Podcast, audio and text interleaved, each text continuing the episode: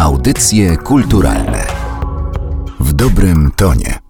A dzisiaj naszym gościem jest Piotr Wierzbicki, dziennikarz, warszawianista, przewodnik i autor książki Podchmielona historia Warszawy, o której będziemy rozmawiać. Dzień dobry. Dzień dobry, witam. I zanim przejdziemy do tego, jaki swój udział miało browarnictwo w e, rozwoju miasta Warszawy, to może zacznijmy od e, opowiedzenia o tym, czym było to piwo w czasach zamierzchłych, bo piwo kiedyś, a piwo teraz to dwa różne napoje. Przede wszystkim musimy wziąć pod uwagę to, że był to napój absolutnie powszechny i w zasadzie piwo pili wszyscy w naszym kręgu kulturowo-klimatycznym, tak to ujmijmy, no bo ten śródziemnomorski to bardziej może wino, ale tutaj północ Europy, no to absolutnie piwo po prostu panowało, nikt przecież nie znał jeszcze tam kawy, herbaty, był to napój po prostu się piło od rana do wieczora, spożywało w formie śniadania, w formie tak zwanej polewki piwnej i panowało wszędzie, zarówno na dworach, prawda, jak i w chatach biedaków, tak ujmijmy poetycko. Bo wody jako takiej pić się po prostu nie dało. Nie tyle nie dało. No, woda po prostu często pochodziła z różnych podejrzanych źródeł, mimo takiego dosyć rozpowszechnionego mitu o tym, jak to było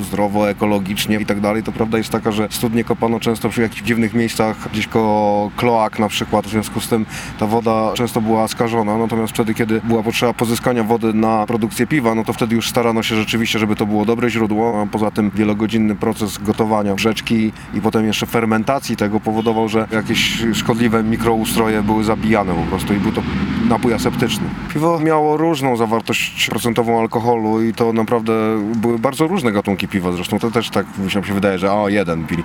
Naprawdę to było bardzo zróżnicowane, ale taki napój codzienny, to tak zwane piwo zwykłe, to miało tam ze 2%, 3%. Nie mówiąc o tak zwanym cienkuszu, które było w ogóle przeznaczone dla zupełnej tam biedoty, prawda, jako właśnie ten napój taki powszechny, który był w ogóle gdzieś tam prawie, że no 1-2%, no mniej więcej tak. Natomiast oczywiście były też takie gatunki bardziej rozrywkowe, które no miały tam więcej tego alkoholu, ale to bez porównania do sytuacji dzisiejszej. Te zgubne skutki picia alkoholu miały także wpływ e, na powstanie Warszawy. Mówię tutaj o historii z upadkiem grodu w Jazdowie. Tak troszeczkę to w anegdotycznej formie przedstawiłem, no tym bardziej, że tak jak ja kilka razy podkreślam w tej książce, to nie jest to praca naukowa, raczej taka gawenda na ten temat, także pozwoliłem sobie na taką dosyć daleko posuniętą nadinterpretację. Prawda jest taka, że gród w Jazdowie w XIII wieku przeżył bardzo poważny najazd ze strony litewsko-jaćwieckiej, który to najazd nastąpił prawdopodobnie w trakcie nocy kupały, czyli przodkowie nasi dalecy praszczurowie byli raczej niezdolni do obrony, bo byli po prostu pod wpływem środków odurzających różnych. Może trochę wina sobie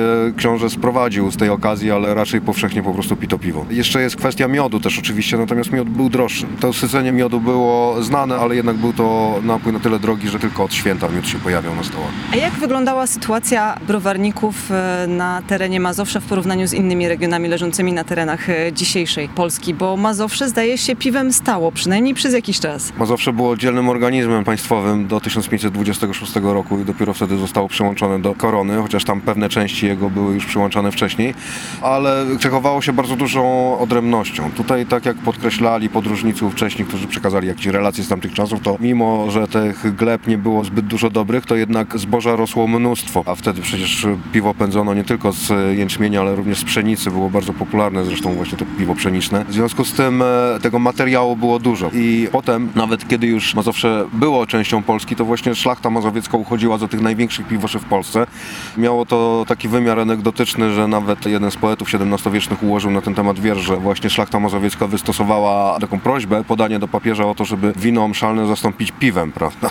Chodziło o piwo bareckie, które było wysokogatunkowe, cenione w całej Rzeczypospolitej i to było to ulubione piwo ówczesnych piwoszy mazowieckich. I jeżeli przejdziemy teraz do tych śladów, jakie zostały po browarnictwie w Warszawie, na terenach Warszawy dzisiejszej, to musimy zacząć od samych jej początków, bo już ulica Piwna jest tym znakiem, że był to trunek e, bardzo istotny. Nazwa ulicy Piwnej pojawia się po raz pierwszy w XV wieku, natomiast Warszawa powstała około 1300 roku, stara Warszawa, czyli to samo jądro, prawda, to co dzisiaj jest e, na terenie tak zwanej Starówki.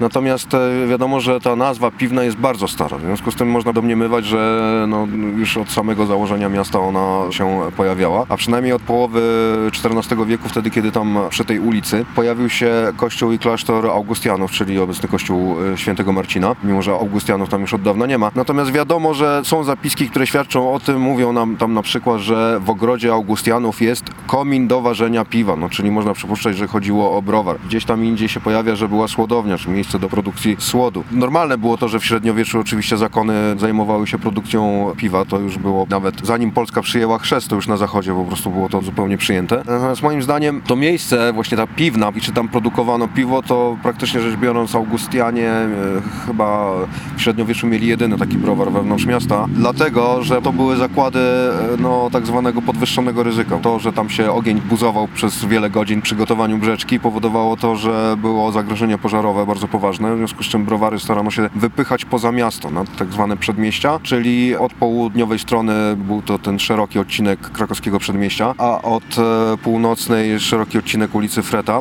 No i gdzieś tam nad Wisłą, poza murami, bo tam też potem są zapiski, że nad Wisłą są browary, czy tam również od strony e, zachodniej. Ale faktycznie no, ta piwna no, jest takim śladem, że piwo było istotne. Solec, e, tereny dzisiejszej Pragi, czy jakieś jeszcze dzielnice Warszawy współczesnej e, z piwem powinniśmy wiązać? Przede wszystkim okolice Placu Grzybowskiego i dalej na zachód. Te ulice właśnie jak Grzybowska, Krochmalna, Ogrodowa też częściowo, Chłodna. Tam było bardzo dużo browarów. Był to teren dawnej jurydyki Grzybów. Plac Grzybowski był rynkiem tejże jurydyki.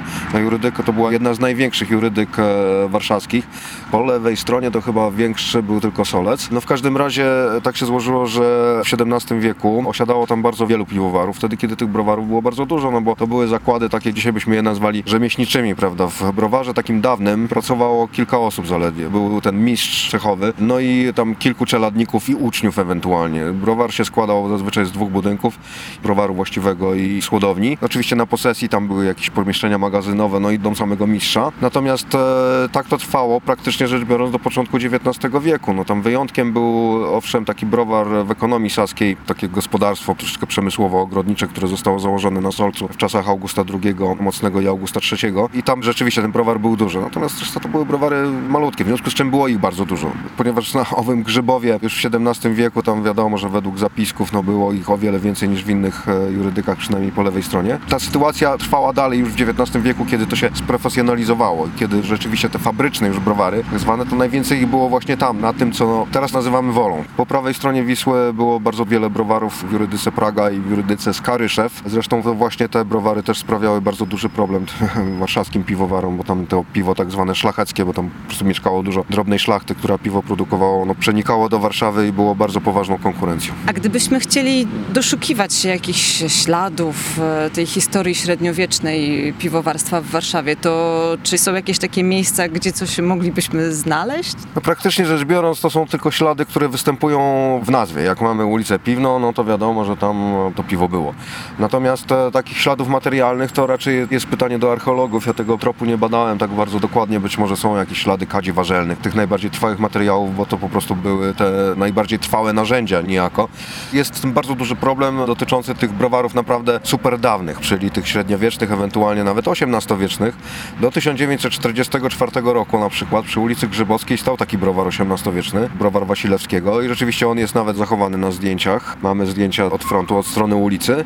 No niestety, wiadomo co się stało. Ta gehenna, którą miasto przeżyło w 1944 roku spowodowała to, że te artefakty zniknęły. Natomiast e, bardzo wiele tych śladów jest, e, znaczy wiele, no też nie za wiele, ale trochę dotyczy XIX wieku. Wtedy, kiedy już zrobił się to przemysł, e, już tam, prawda, od połowy XIX, nawet wcześniej, przełom lat 20., 30. XIX wieku, to są wtedy, kiedy już znikają w zasadzie te browary właśnie takie malutkie, rzemieślnicze, a pojawiają się fabryki z prawdziwego zdarzenia, gdzie już e, pracuje po kilkadziesiąt osób i gdzie rzeczywiście wygląda to tak e, zawodowo, profesjonalnie. Z tamtych czasów, właśnie XIX wieku, no tutaj najciekawszy ślad to jest ta ściana browaru Junga przy ulicy Waliców e, 11, która jest zachowana, prawda, w tej chwili będzie wkomponowana w jakiś nowy budynek, który tam w tej chwili powstaje.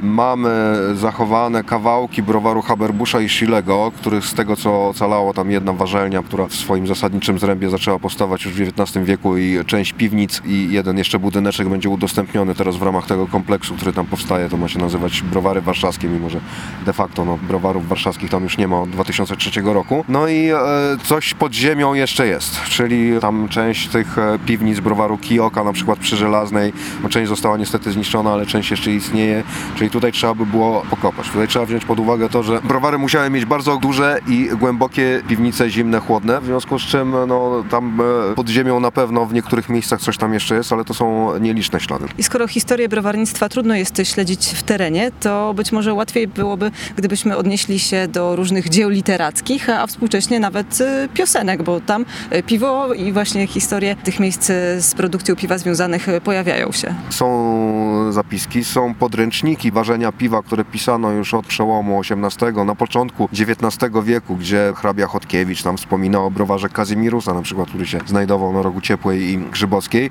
Potem w Warszawie wyszedł taki duży podręcznik, to się nazywało Nowy Piwowar. Są zapiski Antoniego Magiera z początku XIX wieku dotyczące czasów pruskich, kiedy on pisze wyraźnie, że na czystym były ogródki piwne na fragmencie właśnie obecnej Woli i wtedy właśnie pojawiły się ogródki piwne w Warszawie. Także takie ślady istnieją. No a potem to już wiek XIX, czyli wielki sukces piwa bawarskiego dolnej fermentacji, bo do tamtej pory było głównie popularne to prostsze do zrobienia piwo górnej fermentacji. Natomiast e, na bazie tego sukcesu piwa bawarskiego, ponieważ e, powstawały teatrzyki takie, które były niby właśnie teatrzykami ogródkowymi, ale tak naprawdę tam wszystko było podporządkowane konsumpcji piwa. Układano o tym wiersze, o tym wspaniałym smaku piwa bawarskiego. No potem ta najbardziej znana piosenka piwna, choć na piwko naprzeciwko, no to już jest okres międzywojenny. Władysław Szlengel mieszkał przy ulicy Waliców, dokładnie naprzeciwko tego dawnego browaru Junga. Za jego czasów już tego browaru tam nie było, ale była wielka hurtownia piwa, między innymi piwa, bo tam różne inne napoje też były, należąca do rodziny Domańskich i być może to obecność tej hurtowni spowodowało użycie tego choć na piwko naprzeciwko, no chociaż tam raczej Domańscy żadnego wyszynku nie prowadzili. Ty badasz historię tego miasta od lat i czy przyglądając się miastu z perspektywy właśnie tego przemysłu browarniczego natknąłeś się na jakieś historie, które cię bardzo zaskoczyły? Pierwszą taką sprawą, która mnie bardzo zaskoczyła, nie dotyczyła samej Warszawy, tylko dotyczyła historii piwa e, w ogóle. Wtedy, kiedy przygotowywałem się do pisania tejże książki, no oczywiście musiałem poznać w miarę dużo wydawnictw, które na ten temat się ukazały od XIX wieku do dzisiaj, niektóre pobieżnie, niektóre przeczytałem w całości. W bardzo wielu książkach e, występuje postać Bolesława Chrobrego, który podobno w kronice Titmara jest wymieniony jako ten wielki piwosz, który miał częstować Ottona piwem. Zainteresowało mnie to i pomyślałem, że warto by było w związku z tym przytoczyć fragment tejże kroniki Titmara. Zapoznałem się z dwoma przekładami, przewertowałem to wszystko i nie ma w ogóle słowa na ten temat. Po prostu Titmar wspomina wiele razy o Chrobrym, ale nie wspomina o nim jako o piwoszu, który miałby tam Ottona piwem e, częstować.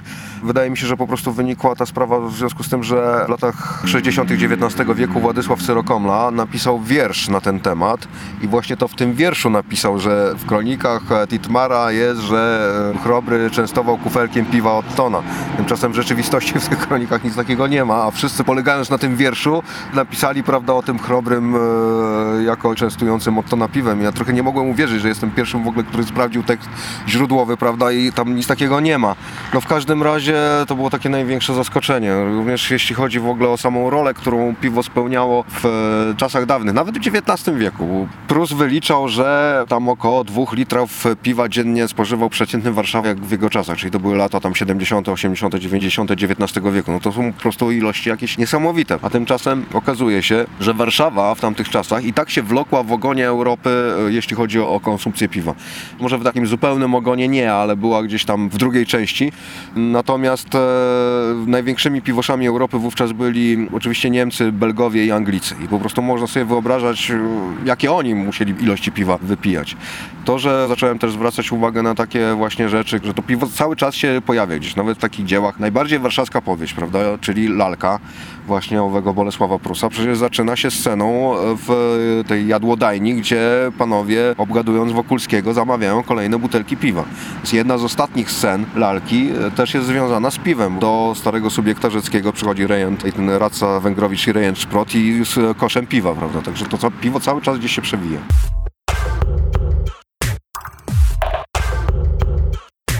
Materiał przygotowała Magdalena Miszewska. Audycje kulturalne w dobrym tonie.